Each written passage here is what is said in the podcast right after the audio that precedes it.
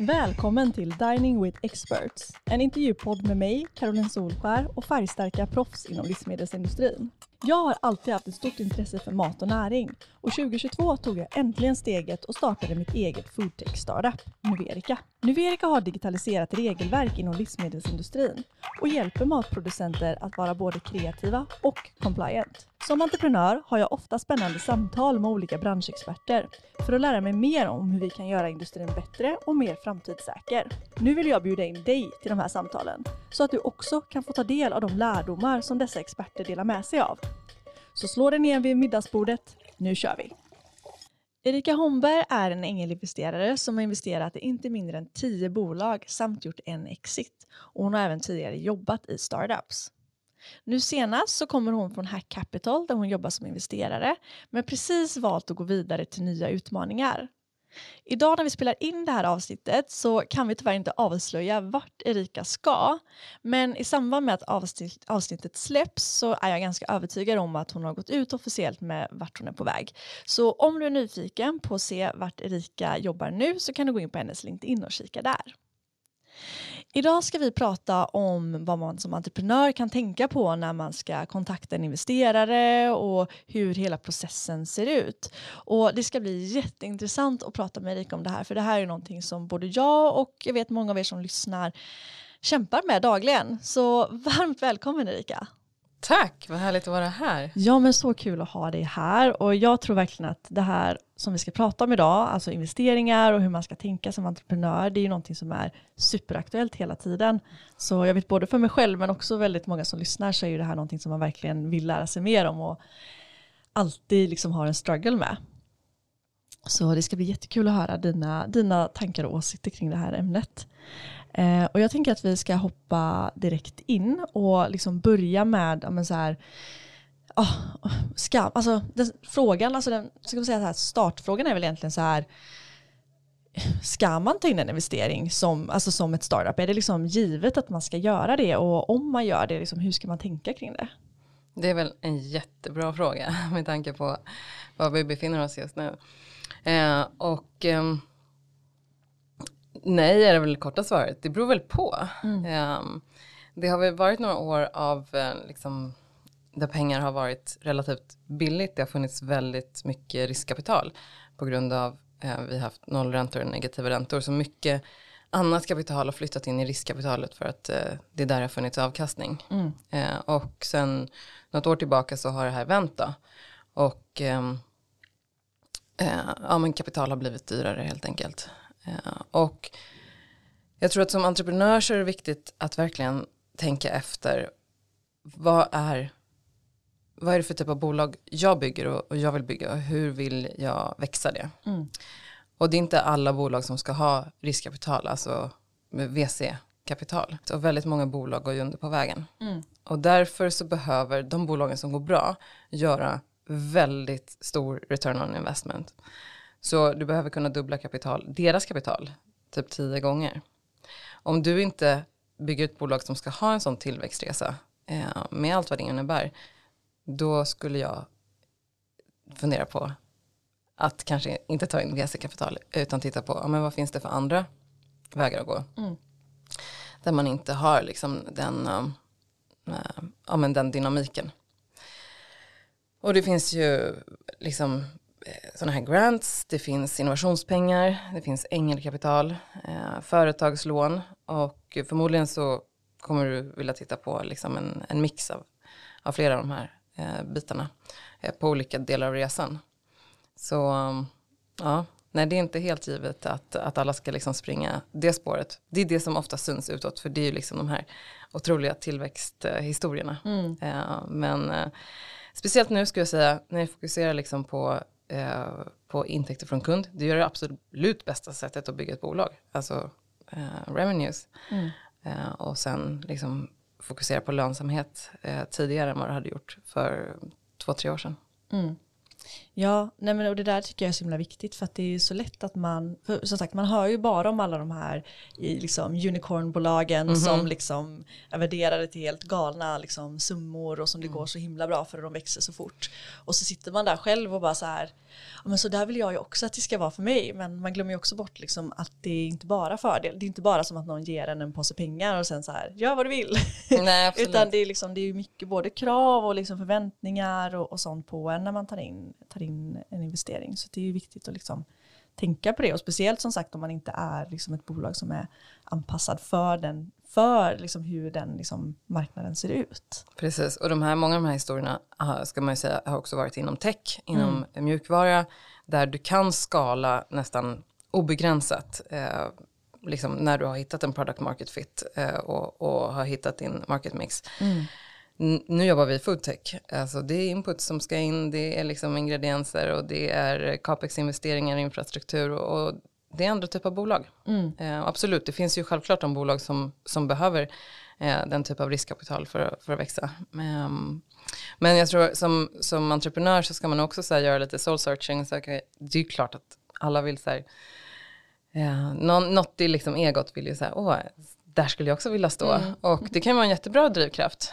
Mm, men jag tycker det är otroligt bra att det också andra sidan av det myntet har lyfts på senare år, liksom med mental hälsa för grundare och så. Mm. För att eh, man ser ju bara alltid, eh, alltid liksom rubrikerna när det, går, när det går bra. Men det är inte så många som showcasear liksom allt det tuffa arbete som, som är liksom på vägen också. Mm. Nej men verkligen och liksom det är mycket man behöver ge upp som man kanske inte tänker på som sagt när man ser alla de här framgångssagorna. Mm. Men om man nu ändå sitter där och är så här, men jag har tänkt igenom det här, jag har bestämt mig, jag vill ta in, eh, jag vill ta in kapital. Hur ska man tänka då, och kanske speciellt nu då i en lågkonjunktur som vi är nu? Mm. Ja men som jag sa tidigare, alltså fokusera på intäkter och lönsamhet eh, tidigt. Och eftersom liksom, pengar är nu dyrare än vad det var för några år sedan så eh, måste du minska finansieringsrisken. Det betyder att du vill ta in så få rundor kapital som möjligt. Eh, och tänka att ja, men den här businessen ska inte vara avhängigt på att vi ska liksom ta in kapitalrunda på kapitalrunda på kapitalrunda. För då, då sitter du en väldigt hög risk på den sidan. Eh, utan ehm, snarare tvärtom. Liksom. Hur kan vi bootstrappa, hur kan vi liksom komma ut till marknaden tidigare? Eh, vilka eh, alternativa revenue streams finns. Eh, och eh, absolut, eh, man kommer fortfarande behöva ta in kapital och eh, we're in the business liksom så att vi, kommer fortfarande deploya kapital. Ehm, men som investerare så tittar man ju så här, okej, okay, men hur stor blir det liksom den framtida finansieringsrisken innan, innan det här bolaget kan liksom, komma till marknad. Så mm. det skulle jag fundera liksom ett extra varv på. Eh, och sen då om man, eh, ja, men ändå är där och är så här, okej, okay, nu ska jag försöka få tag på investerare. Mm. Hur, hur gör man det? Hur approachar man en investerare på ett, på ett bra sätt? Det där är en million dollar question. Ja. jag tror, och det finns väl typ lika många sätt som det finns människor att göra det här på. Men jag tror att man ska liksom börja bygga ett nätverk. Uh, jag, jag, och många andra får liksom otroligt många liksom call outreach på LinkedIn och på mail och, och så. Och um, gör din hemläxa. För att det är så många som hör av sig också sådana här områden som jag är helt ointresserad av. Mm. Och det är ju bara waste of everybody's time. Så ja, men, hitta de som de investerarna, om du tänker ängelinvesterare som har lite liksom, samma värdegrund som du.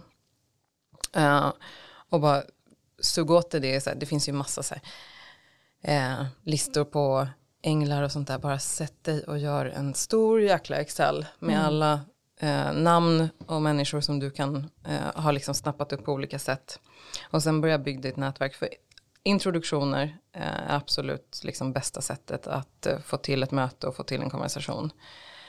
Eh, och jag tror också att det är liksom mindre bias eh, om du om du, får, om du sitter i ett möte som du har fått till exempel från en investerare till en annan jämfört mot om du kommer helt liksom kallt. Jag tror du har liksom mer du behöver övertyga kring då. Så det skulle liksom vara min, så här, ja, börja bygga ditt nätverk och eh, varje person du träffar eh, frågar liksom, ja men eh, finns det någon annan du kan introducera mig till? Och det där måste ju vara liksom på ett ehm, bra sätt. Ehm. Jag tänker alltid så här, du vill eh, på något sätt ehm, eh, eh, få personen som sitter mitt emot dig och ger dig någonting, alltså ett intro. Mm. Och vad kan du ge tillbaka istället? Den personen vill säkert också ha hjälp med någonting. Mm. Så att, liksom, att det blir en eh, mutual benefit där.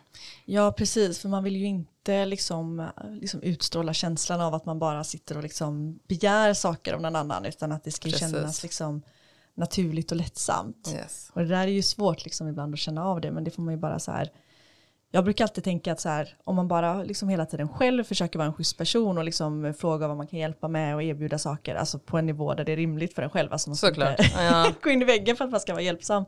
Men om man bara gör det så, så utstrålar man ju lite de liksom energierna typ. Att man så här, mm. jag är en person som är bussig, jag är en person som hjälper och då får man ofta mycket tillbaka. Även mm. när man själv inte liksom har tänkt att man ska få någonting tillbaka. Så blir att andra liksom så här ser det och liksom vill hjälpa en själv också. Det, det tror jag är helt rätt. Mm. Och det kan ju vara så lite som, alltså, du sitter ju på otroligt mycket information om din bransch, liksom, mm. vem du än är som entreprenör. Och, och bara liksom bjussa på insikter kan ju vara otroligt värdefullt. Ja men verkligen. Och sen också så här, jag brukar försöka gå på mycket så här event. Jag vet att det kan finnas investerare bara för att just så här, men bygga nätverket mm. och mhm. träffa folk lite naturligt. Mm. Sen är det klart att säga, sitta här när man bor i Stockholm och säga att gå på lite investerare-event, det är klart att det är lättare här än om man bor liksom i någon mindre stad eller så. Mm. Men jag tror ändå just, alltså, precis som du säger, att bara så här, träffa folk på riktigt, det gör sån enorm skillnad för att man uppfattas som en liksom, ja, men en riktig människa än om man mm. bara sitter och skriver liksom bakom en skärm. Att det, är liksom, det är så mycket lättare att knyta en, en bra kontakt med någon då. Mm. Det håller jag med om. Samtidigt så jag har ju jobbat eh, senaste ett och ett halvt året ganska internationellt. Eh, och eh, har fått frågan så här, men, eller har, har, har fått, fått höra från entreprenörer som har blivit liksom, ehm, har fått rådet att inte gå typ, typ söka kapital från tyska investerare eller eh, investerare från UK eller alltså andra mm. investerare i Europa. Eh, och frågat mig, vad tycker du om det? Mm, nej men varför inte? Ja. Alltså om du har de kontakterna och, ja. liksom, va, det finns alltså nu, de flesta gör ju liksom sin DD över skärm liksom. Mm. Eh, och just inom foodtech så finns det ju så många som jobbar globalt just för att det är en ganska så här, nischad marknad. Eh, så även de så svenska fonderna som är fokuserade på på just foodtech, de har ett globalt mandat ofta för att eh, ja, men man behöver det mm. för att, för att uh, kunna hitta de bästa bolagen. Så där skulle jag säga, alltså, bygg, bygg det nätverket också mm. och att man, alltså, man kan skapa väldigt mycket relation digitalt. Absolut, men kanske också då att här, bygga i tid. För jag, kan ju, mm -hmm, jag, jag, jag, har ju gjort en, en runda och det var ju bara en, liksom en, ja, en prisrunda när vi bara hade med oss änglar. Eh, men, och det var ju absolut första gången jag tog in pengar. Eh, så jag började ju verkligen från noll där jag så här, visst jag har folk i mitt nätverk som jobbar med investeringar och jag känner folk som känner folk och så. Men för mig blev det ju också bara så här att ja, men jag får ju bara börja höra av mig till folk på LinkedIn. för att jag visste inte vad annars jag skulle göra. Mm liksom. Och då blir det ju det här att Hör av sig och sen bara det första man säger är så här, hej, vill du liksom, eh, är det här ett intressant investeringscase för dig? Det blir ju en väldigt liksom tråkig liksom första introduktion. Men att istället då som jag liksom efter det reflekterat mycket över och, och så är ju att så här, skapa relationerna nu, alltså hör av dig på LinkedIn nu då. Alltså inte nu när, ska, liksom när man ska söka pengar utan ett helt, liksom bara för att man säger hej jag skulle gärna vilja ha dig i mitt nätverk eller liksom jag tycker att vad du gör är inspirerande eller liksom vad det än är. Och sen så har man personer redan i sitt nätverk så att sen när man då börjar fundera på att men nu är det dags att liksom ta in pengar, då kan man ju höra av sig bara så här, hej, nu har vi liksom mm -hmm. varit, varit liksom connectade här ett tag. Eh, så det är också ett sätt att liksom så här, inte liksom inte börja försöka knyta kontakterna när man behöver dem utan liksom i god tid. Det är något vi kanske inte pratade just om, så här, men, när, hur ska man ta in kapital och, mm. och hur ska man göra? Um, just att det tar tid. Mm. Det, tar, det tar väldigt mycket tid. Ja. och uh, de här, alltså en runda kan ju ta liksom sex månader nu. Mm. Det, ja, uh, exempel som nio månader. Ja. Börja i tid, för som entreprenör så vill du inte heller liksom, ju närmare ditt liksom datum där din burn rate är slut desto mer desperat kommer det bli. Mm. Och det är ju otroligt dåligt att sitta i en förhandlingsposition då. Ja. Eh, så verkligen börja i tid. Verkligen och just också för att man lätt, alltså när man sitter i situationen att man själv ska ta in pengar så blir det lätt att man liksom tänker att man, alltså alla man pratar med, att man vill ha dem. Alltså så här. Men vad man, måste, vad man inser efter ett tag är att man vill ju inte ha in vem som helst i sitt bolag, utan man måste ju själv också kunna vara i en situation, eller en position där man kan utvärdera de liksom, VCs eller personer som man då liksom vill jag att den här personen ska investera i ett bolag. Och det blir också så, står man jättenära sin liksom, att man bara nu tar pengarna slut, då kan man ju inte liksom faktiskt göra det valet riktigt utan då är man ju i en väldigt desperat position. Precis, det var faktiskt så jag halkade in på ängelinvesteringar. Mm. det var några bekanta till, till mig som eh, de hade gjort en liksom hel process, eh, skulle ta in VC-kapital. Och eh, i slutändan så den VC som de hade valt att gå med eh, la fram några terms på bordet som inte var korser. Liksom. De mm. bara, vi kan inte acceptera det här.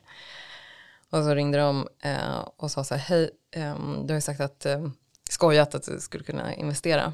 Och eh, nu sitter vi i en sits här, vi, vi har inte tid att gå tillbaka till de andra VCs och göra hela due diligence-processen igen. För vi, liksom, vi kommer, eh, vår burn rate kommer ta slut. Mm. Vår plan är att nu inte skala upp som de hade tänkt att gå in i UK, utan vi kommer satsa på lönsamhet istället.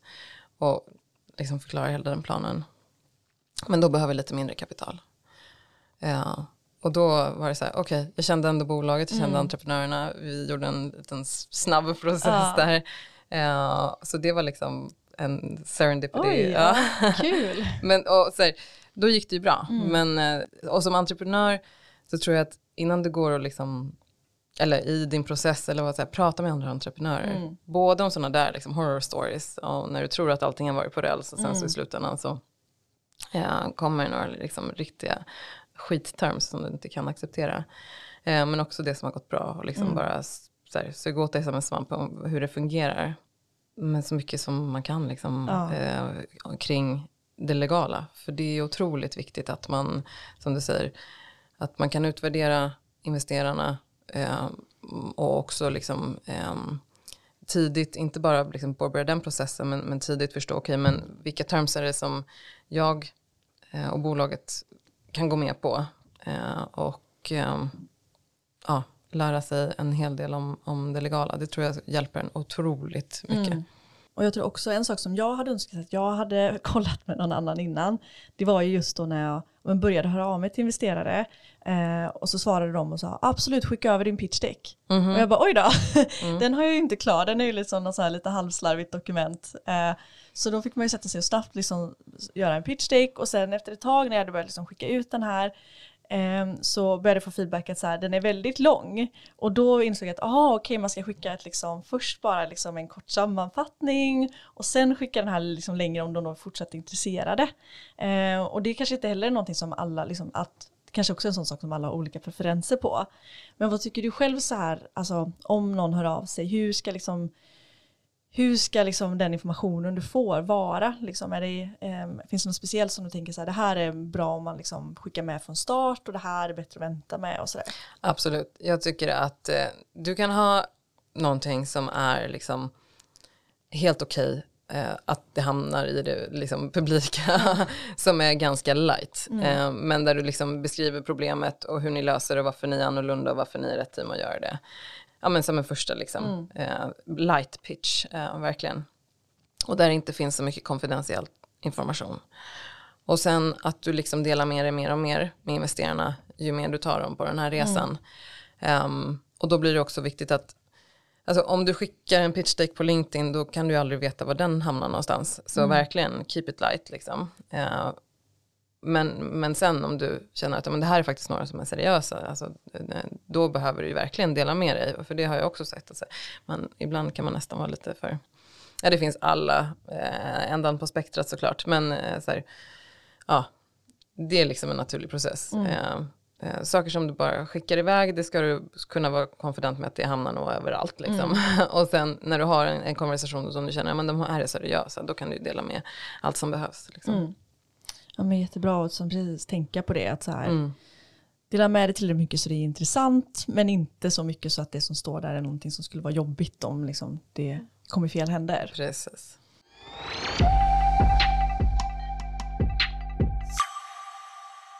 Den här podden görs i samarbete med Nuverica. Nuverica har digitaliserat EU-direktiv inom livsmedelsindustrin.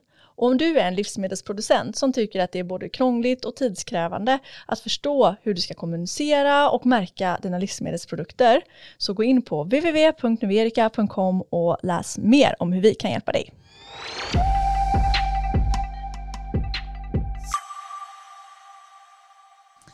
Och, och sen om man då får ett första möte med en investerare, mm. det är ju jättekul såklart och jättenervöst. Vad, vad ska man tänka på där?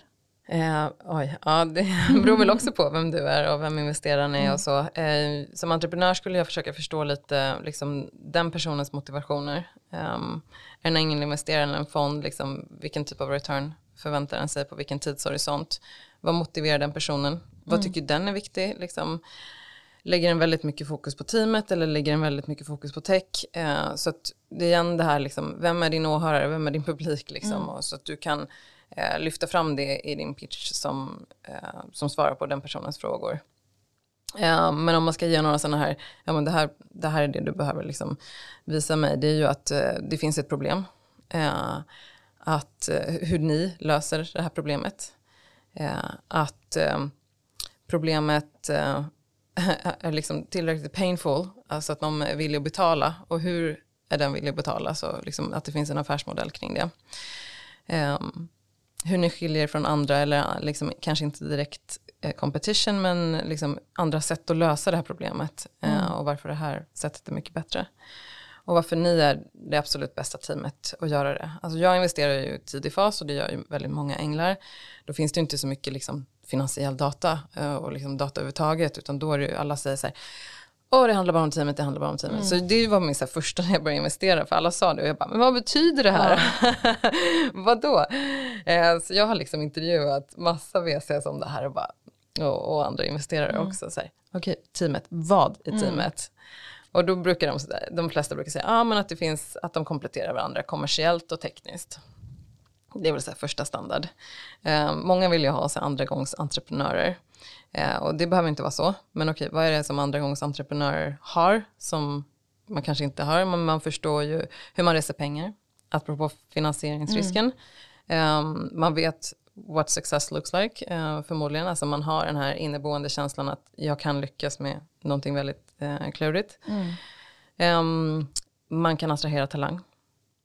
Man kan rekrytera. Otroligt viktigt liksom för en, uh, en grundare ett team som kompletterar varandra, man kan resa pengar, man kan attrahera talang. Men sen är det också att eh, förstå alltså, marknaden och varför är det bästa, alltså varför är det bra timing att göra det här precis just nu. Man vill ju gärna vara liksom på i en marknad som, där det är tillväxt. Eh. Mm. Ja precis, och det där är ju någonting man ofta hör, speciellt folk som säger att de har har haft en idé som inte lyckades. Så det är ju ofta mm. så här, ja ah, men det var inte rätt timing. Mm. Det var liksom, nu hade det funkat. Eller är det så här, att det ofta är liksom att man kanske är lite för tidig eller lite för sen in på mm. någonting. Absolut. En sak som jag, apropå teamet, som jag brukar titta på, um, det är hur gärna de vill lösa problemet. Mm. Alltså en slags intrinsic motivation. Um, just nu är jag ju väldigt intresserad av liksom, um, impact åt klimat och mathållet såklart. Uh, och um, men är den här personen intresserad av att liksom vara entreprenör och bygga bolag eller är den här personen så fokuserad på att lösa just det här specifika problemet. Mm. Det är viktigt för mig. Eh, mm. Då tror jag att man blir liksom långsiktig. Då, då stannar man nog kvar ja. eh, liksom på ett helt annat sätt. Eh, än, um, än om man liksom är mer attraherad av de här yttre Absolut, ja. Jag skrev faktiskt min, eh, min C-uppsats om det. Mm -hmm. Alltså om socialt entreprenörskap och just liksom vad det är som är ja, men vad är det som kan få en entreprenör att liksom inte lyckas med, med, med, med liksom ändå, ja, vi kallar det för social entrepreneurship. Mm. Eh, och då var det just att mycket blir så här att om man då är mer intresserad av de här liksom, sakerna runt omkring så blir det ju att man fokuserar på det istället för att faktiskt lösa det här problemet. Och då blir alltså så här, alla liksom alla, liksom, allt bolagsbyggande är ju svårt. Och om man då inte liksom brinner för det man gör så finns det mycket annat roligt runt omkring som man kan göra istället. Mm. Som man tappar fokus.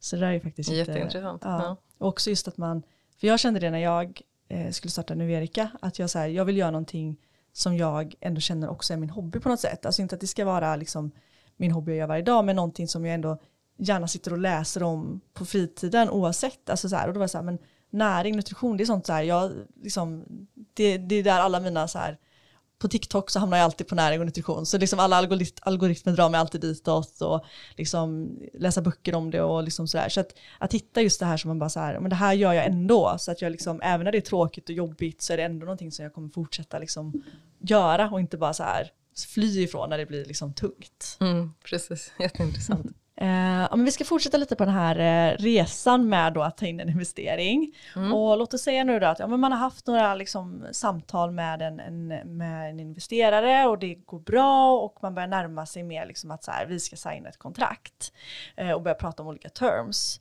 Hur ska man tänka där som liksom, entreprenör? Ska man själv vara den som liksom, lägger fram förslag på hur det här ska se ut eller ska man mer liksom avvakta och se vad, vad den här VCn kommer med för förslag? Ja, det där är en superbra fråga. Um, det finns något som heter anchor bias. Mm. Och eh, det är egentligen att eh, det första, vi kan ta exemplet med värdering. Mm. Det är ganska tydligt. Um, det betyder att anchor bias är egentligen att det första du hör eh, om i en förhandling, det är där du kommer liksom ha ditt ankare. Och allt annat som kommer upp senare kommer vara jämförelse mot det. Mm. Så som entreprenör så tror jag att eh, man gärna vill sätta det ankaret själv. Det behöver inte betyda att du går in och säger så här, ni får bara investera om ni kommer till på den här värderingen. Men alltså, det här kommer ju vara en konversation mm. under, en, under en tid.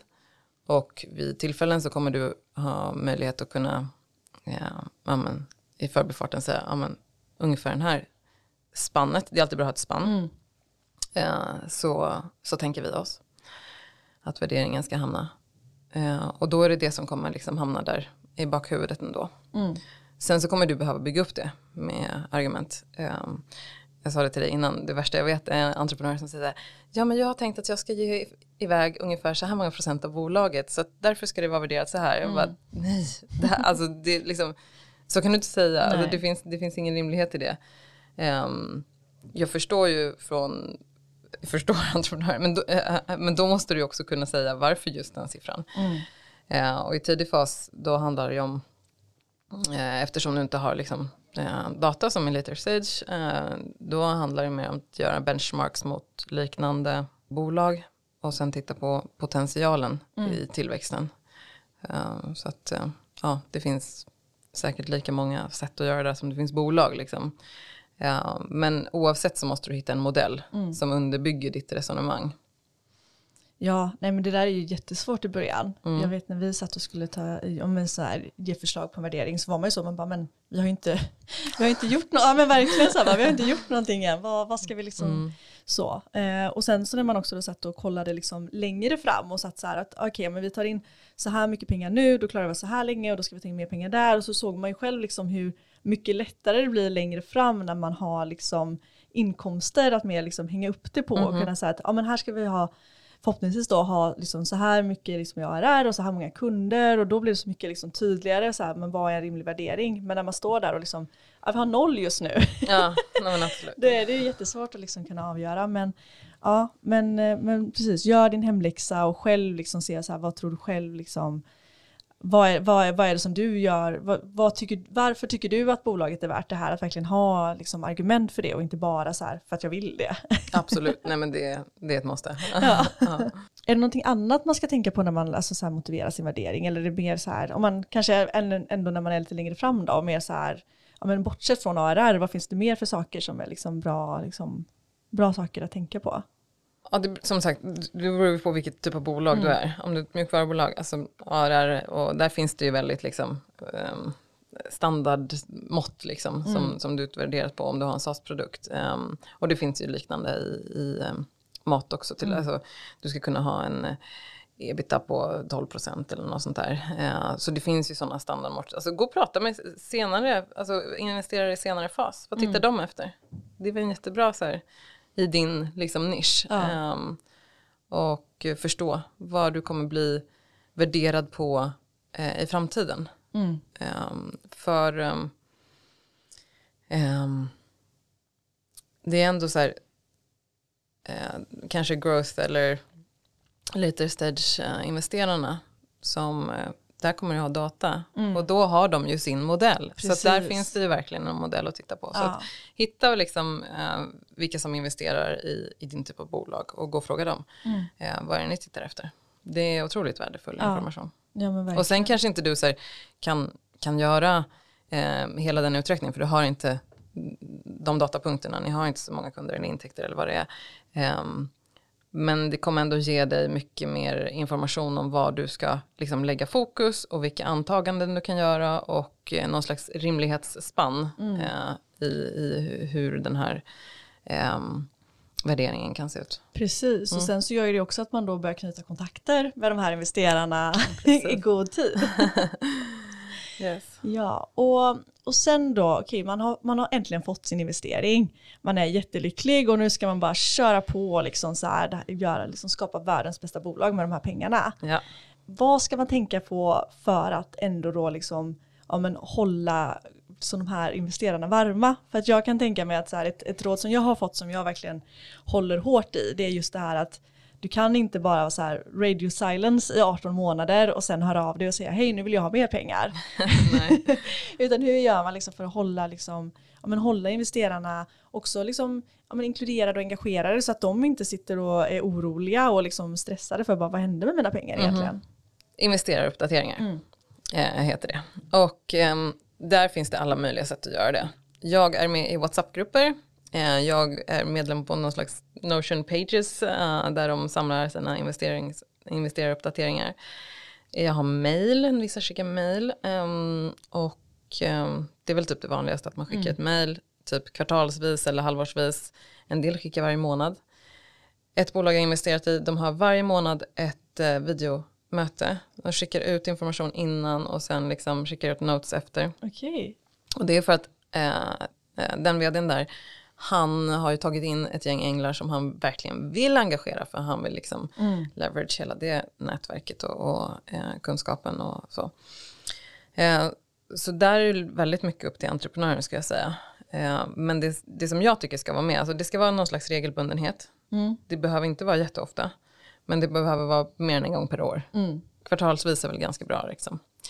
Eh, mailformat är bra för då liksom poppar det upp direkt. Men det behöver inte vara så långt heller. Alltså, igen, vem är åhöraren? Ja, men det är investerare. De har förmodligen väldigt mycket mail. Eh, och eh, håll det liksom to the point, koncist. Hitta de här liksom verkliga viktiga punkterna.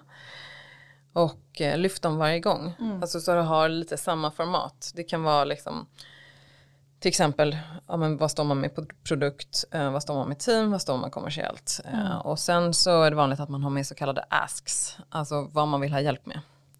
Eh, och där finns det entreprenörer som är superduktiga på att liksom vara jättekonkreta och supertydliga med vad de vill ha hjälp med. Och då är det mycket lättare för mig som investerare att säga, aha, ja men de vill ha ett intro till en leverantör inom det här och det här spacet.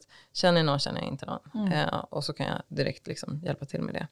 Så ju mer liksom konkret du blir i, i dina eh, asks, eh, så ja, desto mer utväxling tror jag du kommer få. En sak som, ja men vi pratade lite om det i början, det här med att det är också viktigt att tänka på liksom vad man själv, alltså att man som, liksom, som entreprenör, så här, vem vill jag ha med mig på den här resan? Och, eh, ja, men, du delar ju lite en historia om, om, om ett bolag som du investerade i där det inte liksom gick så bra. Har du några så här red flags på investerare? Alltså om man sitter och har de här Ska mötena. namedroppa några?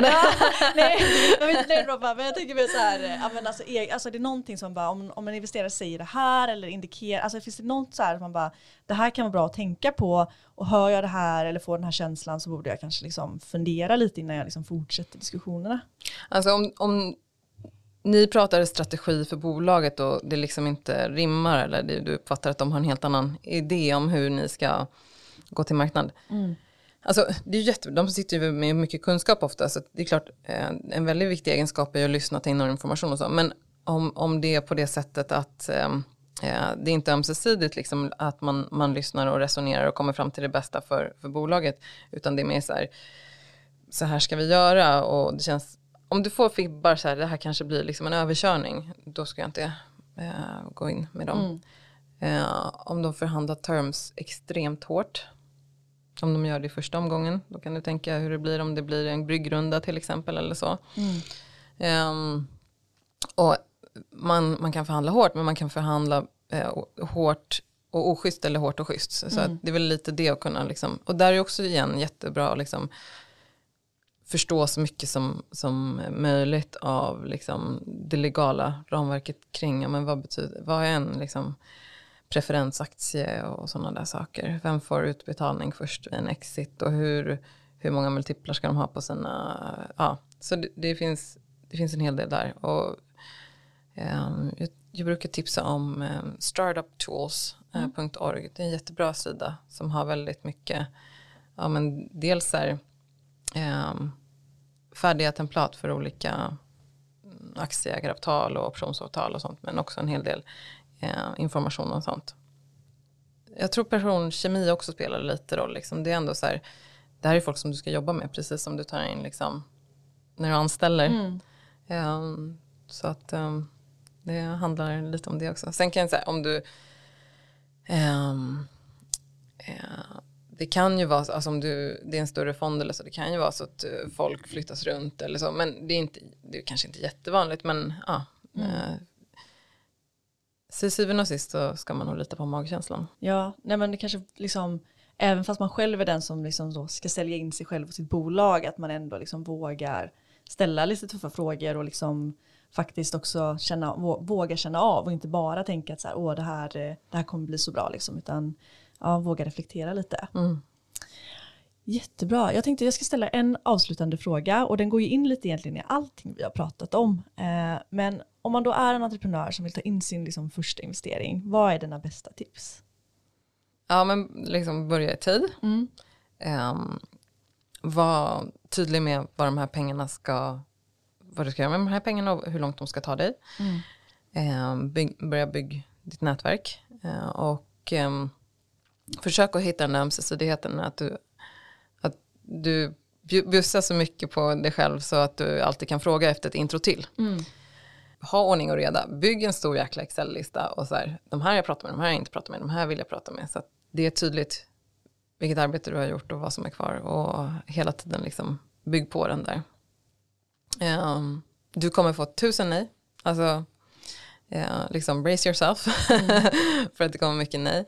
Ehm, så att liksom, det får inte vara en, att du blir omotiverad av det utan det är så det funkar. Mm. Och ehm, eh, en del, liksom, om du är en nisch till exempel, många pratar med varandra så att ehm, alltid liksom vara representera dig och bolaget på bästa sätt även om du eh, tänker att det kanske inte blir någonting här.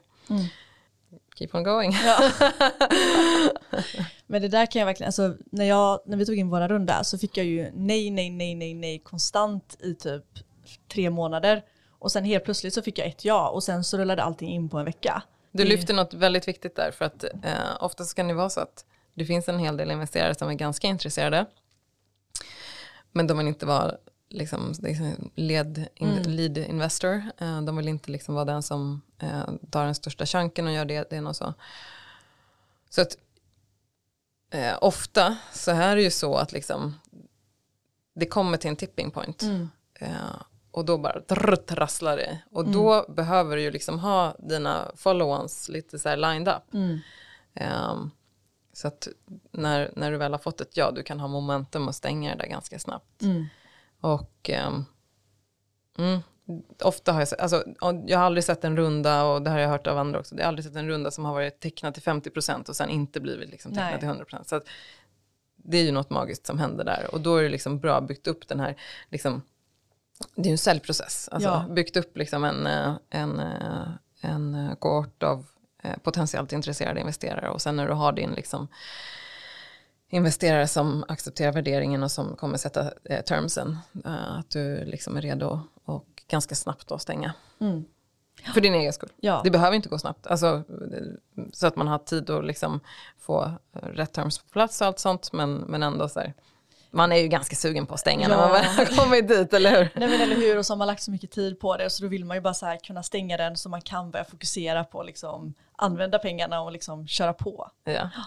Men jag kanske har en fråga till dig där. Ja. Ehm, för det tar ju tid alltså, att resa pengar.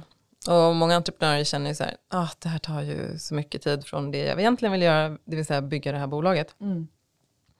hur staffar man upp runt sig själv så att eh, man har tid att eh, lägga, den, alltså lägga den tiden och energin man behöver på, på investeringsprocessen och samtidigt liksom att bolaget fortsätter rulla på? alltså det där är en jättebra fråga för mm. jag kan liksom erkänna att förra, då, första rundan vi gjorde nu, alltså ibland satt jag bara så här all min tid går bara åt till den här investeringen och jag har så mycket annat jag ska göra för att bolaget ska liksom fortsätta. Mm. Eh, men min liksom plan nu inför nästa gång vi ska ta in pengar är ju men både så sagt alltså verkligen börja i tid. Eh, jag började egentligen redan från alltså i somras att börja så här, bara knyta kontakter och vara tydlig med att så här, vi ska ta in pengar ungefär här och då. Jag vill jättegärna liksom redan nu liksom börja prata med er och sådär. Så att, så att man liksom har det liksom igång redan. Eh, och sen också bara men planera. Alltså jag lägger upp det precis som när jag planerar för sälj. Att så här, de här tiderna ska jag sitta med de här uppgifterna. De här personerna ska jag höra av mig till och så vidare. Så att man har, ja, men, har det här Excel-arket och också liksom har tiden på rätt ställe. Så att det blir mer liksom strukturerat och inte bara så här kaosigt och bara ah, nu ska jag prata med alla exakt just nu. Liksom. Mm. Jag tror um, ju fler investeringsrundor man har gjort som entreprenör desto mer inser man att när det är fundraising, då behöver man lägga ut sina, mycket mer av sina egna eh, mm. uppgifter på teamet. Mm. Och det är jättesvårt. För som, som vd sitter man ju oftast med, med väldigt mycket liksom, och um, man vill ha ja. kontrollen. Men där behöver man hitta en balans för det mm. är ju liksom, när man kör fundraising då är det det som behöver ja. liksom, ha prioritet. Och ibland kan det vara så här, ja men okej, men det här verkar intressant, kan du ta frukost imorgon? Alltså, ja, eh, ja och då måste du liksom vara där och kunna ja. vara, vara den liksom flexibel. Så att, um, Ja men det där är jättebra. Jag ska, jag ska ta till mig det och verkligen ha med det in i planeringen till nästa runda. För jag håller verkligen med om att det, det tar ju väldigt, väldigt mycket tid och man behöver verkligen lägga mm. sitt allt på det för att det ska lyckas. Yes, men med de orden så tänker jag att vi avslutar. Tack så jättemycket Erika för att du var med här idag. Kul. Så mm. insiktsfullt och kul att ha med dig. Jätteroligt, tack. Stort tack för att du har lyssnat på Dining with Experts. Om du vill följa eller ge en kommentar om vad du har hört i podden så kan du följa oss på våra sociala kanaler. Vi heter attnuverika överallt, både på LinkedIn, på Instagram och på TikTok. Om du vill höra fler avsnitt så finns vi där poddar finns och du kan även se videoinspelningar av avsnitten på Youtube. Tack så mycket!